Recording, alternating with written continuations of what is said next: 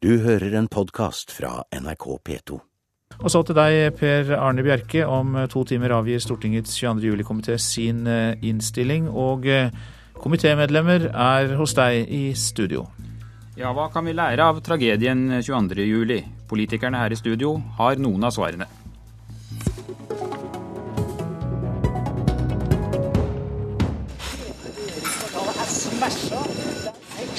Etasjer som er helt ødelagt. Kantina på Høybråta er helt fullstendig ødelagt. Dette her er Oslo sentrum eh, noen minutter før klokka halv fire om ettermiddagen fredag 22. juli. Deler av regjeringskvartalet ligger i ruiner, flere mennesker er døde, men i løpet av noen timer skulle tragedien bli så mye, mye verre. I formiddag kommer Stortingets egen 22. juli med sin 22. juli-komité med sin innstilling. Og komitéleder Knut eh, Arild Hareide fra Kristelig Folkeparti, hva er det viktigste vi kan lære av 22. juli? Ja, det er klart. Den tragedien vi opplevde i sommer, den var helt spesiell. Eh, det var òg grunnlaget for at eh, Stortinget satte ned en egen komité. Jeg tror at det viktigste vi kan ta med oss fra fra den tragedien, er at vi, vi er nødt til å, å, bygge samfunnet nedenfra. Vi er nødt til å eh, se, ta vare på de, noen av de verdiene som, som har preget Norge over, over, lang tid. Og, eh, men vi er òg nødt til å se på at eh, alt vi gjorde i forkant av 22.07, har ikke vært eh, riktig. Og det er å se på den helheten er noe av det denne komiteen har gjort. Anders eh, Anundsen, eh, Fremskrittspartiet. Kan vi i det hele tatt eh, garantere oss mot at en fanatisk terrorist kan gjøre noe slikt igjen, uansett hva slags sikkerhetsrutiner og beredskap vi har? Nei, Det kan vi aldri garantere oss imot, men vi kan gjøre så mye vi kan få gjort for å hindre det. Det er viktige rettsstatsprinsipper som også blir satt på prøve i en sånn diskusjon som dette. Men litt i forlengelsen av det Knut Arild sa, så har jeg lyst til å si at egentlig så har denne saken to perspektiver.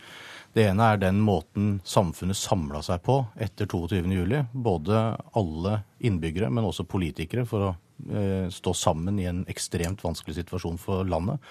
Og det andre er egentlig første del av den fasen vi er inne i nå, hvor en skal se om det er mulig å gjøre ting som gjør det vanskeligere for gærninger å gjennomføre sånne alvorlige handlinger. Nå kommer jo også denne 22. juli-kommisjonen med sin innstilling på ettersommeren. Men eh, i dag er det altså stortingskomiteen som legger fram sin innstilling, og Jan Bøhler eh, fra Arbeiderpartiet. Hvor viktig er det at også Stortinget har en grundig behandling av denne saken? Jo, jeg tror at vi eh, som storting, som, den, som er den folkevalgte organet som skal gjøre de store grepene, at det er viktig at befolkningen ser at vi er inne i prosessen at vi har eh, en samlet tilnærming til dette her. At vi ser alvoret, og at vi greier å ta tak i det som vi skjønner kan tas tak i nå. Og det er en god del ting. Og det er jo eh, invitert til det gjennom statsrådenes redegjørelser nå eh, før jul i Stortinget.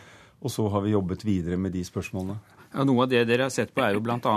beredskapen. Og hva var det som sviktet, Hareide, hvis du skal svare kort på det? Jeg tror jo akkurat på dagen 22. juli så det ble det gjort en formidabel innsats. Ut ifra den forutsetningen vi hadde, så ble det av ulike etater gjort en fantastisk innsats 22. juli. Men det er klart, når vi er etterpåklokskapens syn, så ser vi at vi var ikke godt nok forberedt på alle områder. Og vi hadde gjort noe grundig forarbeid. Eh, og på noen områder så vil jeg òg si vi hadde vært for eh, naive. Eh, men jeg tror det er, som Jan Bøhler her sier, det er viktig at Stortinget nå tar denne debatten. Det er klart, når kommisjonen, altså regjeringsutvalgets kommisjon kommer, så vil jo regjeringen behandle den.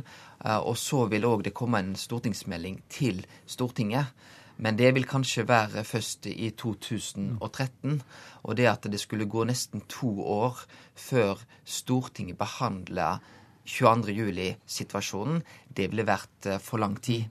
Derfor så mener jeg det har vært veldig klokt.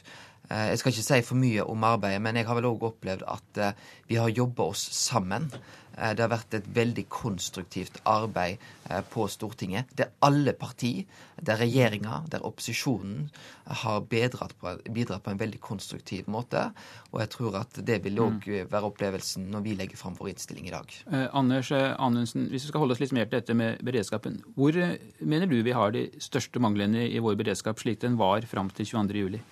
Og Fremskrittspartiet har jo pekt på en del forhold, men det er viktig å understreke at den innsatsen som ble gjort av enkeltpersoner eh, i disse eh, alvorlige timene, var ekstremt viktig, veldig stor og veldig god. Og det er all honnør til den. Og det er kommisjonen som må gå inn på beslutninger og sånt som ble tatt i den aktuelle tida. Det som har vært vår jobb i komiteen, det har vært å identifisere sikkerhetshull og forsøke å bidra til å tette det.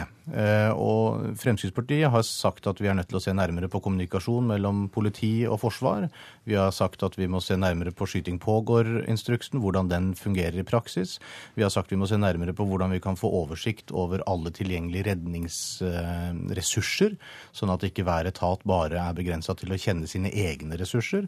Vi har vært opptatt av helikopterberedskap, alle disse temaene som alle andre også har identifisert, alle andre partier også har identifisert, som viktige områder å, å fokusere på. Um, og det er jo ikke unaturlig at en del av de forholdene blir, blir påvirket av den jobben som da har skjedd i Stortinget. Bøhler, hvilke konkrete endringer mener du bør gjennomføres når det gjelder beredskapen og sikkerheten, bl.a. når det gjelder regjeringskvartalet og andre utsatte offentlige bygninger? Det er jo eh, identifisert en del eh, saker her som Anundsen er inne på, som alle partier har pekt på, og som eh, også redegjørelsen til, statsrådene tok opp. Og, og, eh, her er det behov for en mer samlet, eh, forsterket plan for hvordan vi jobber med dette. her, og Det har, har komitélederen pekt på tidligere. At det er behov for å få alt til å gå på skinner. Alle skal vite hva de gjør. Sikre oss disse, at disse tingene er i orden. Og det er det som vi, var inne på innledningsvis her, at det utenkelige, vi har opplevd at det utenkelige kan skje.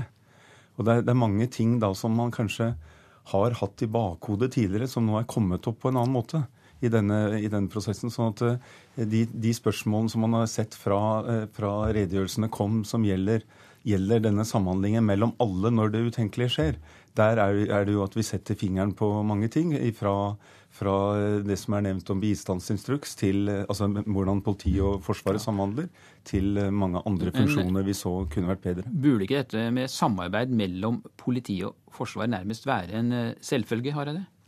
Jo, det kan en eh, gjerne si. Og vi ser òg at på en del områder så fungerer dette samarbeidet veldig godt. Eh, F.eks. samarbeidet mellom beredskapstroppen og FSK-troppen til, til Hæren. Der ser vi at her er det en, et godt samarbeid. Eh, og nettopp å se kan vi lære av den type samarbeid, der det er et godt samarbeid mellom politi og Forsvaret.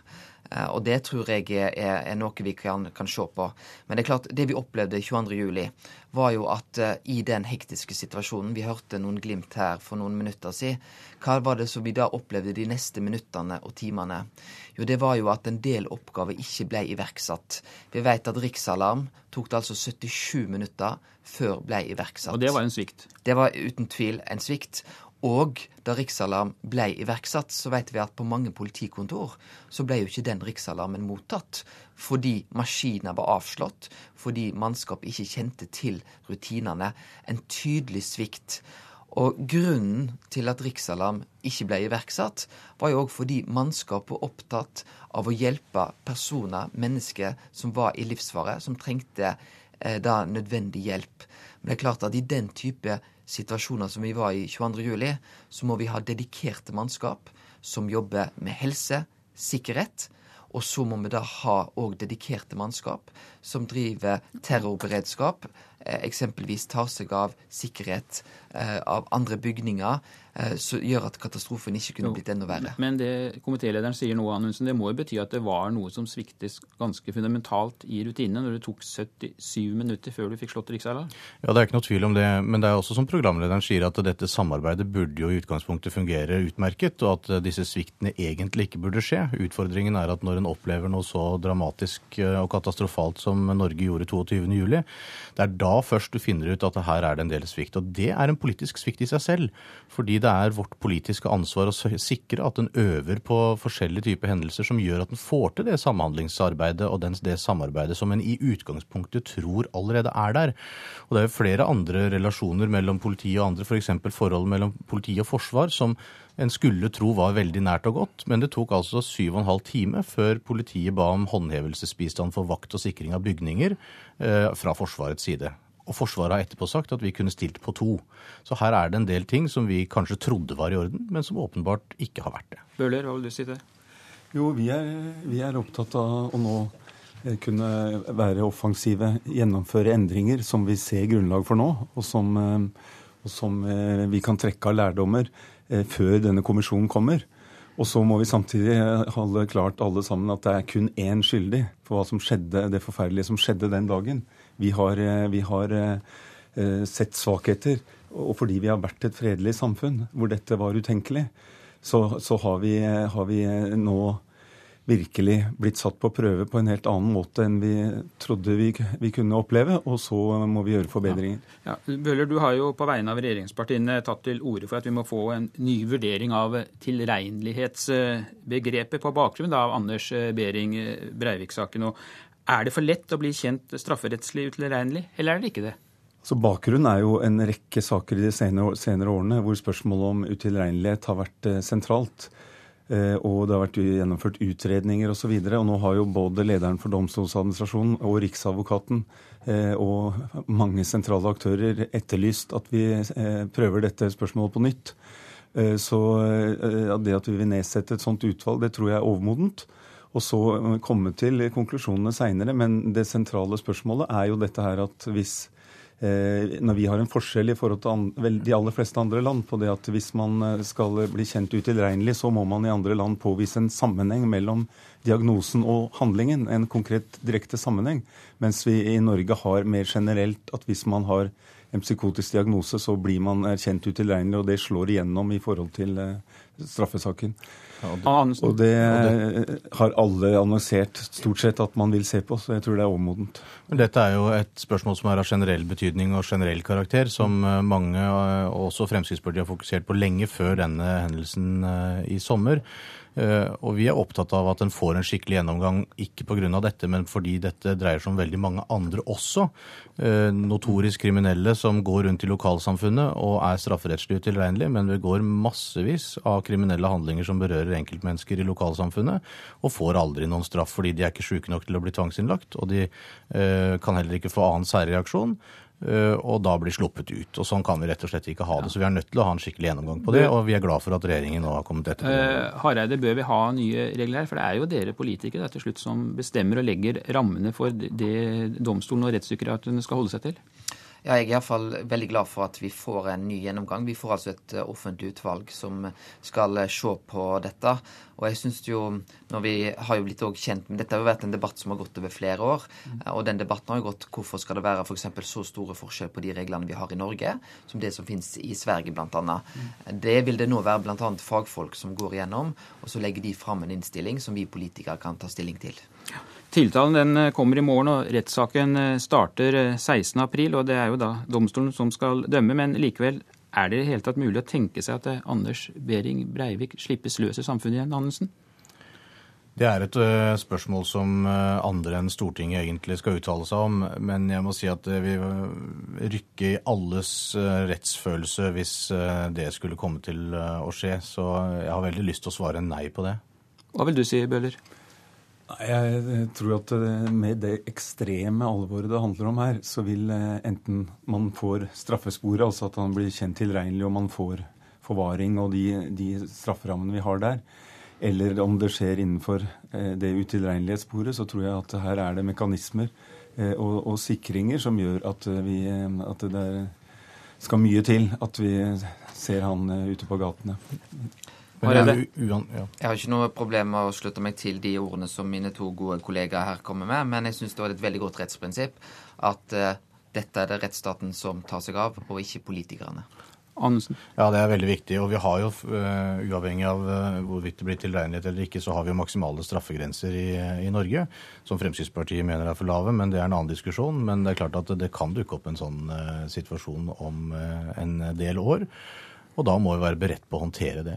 Ja, betyr det at vi da vil få en debatt om eh, straffenivået i etterkant av dette, helt uavhengig for så vidt av denne rettssaken? Jeg tror vi har sett en del tendenser til en diskusjon om straffenivå. Vi har jo hatt det også tidligere. Eh, og straffe, det maksimale straffenivået for terrorisme har jo økt veldig i den nye straffeloven som ennå ikke er trådt i kraft. Så har, det, det, har vært en diskusjon om straffenivå, og jeg tror ikke den stopper nå.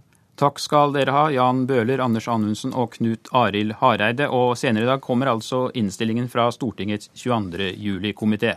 Det var Politisk kvarter med Per Arne Bjerke her i studio. Du har hørt en podkast fra NRK P2.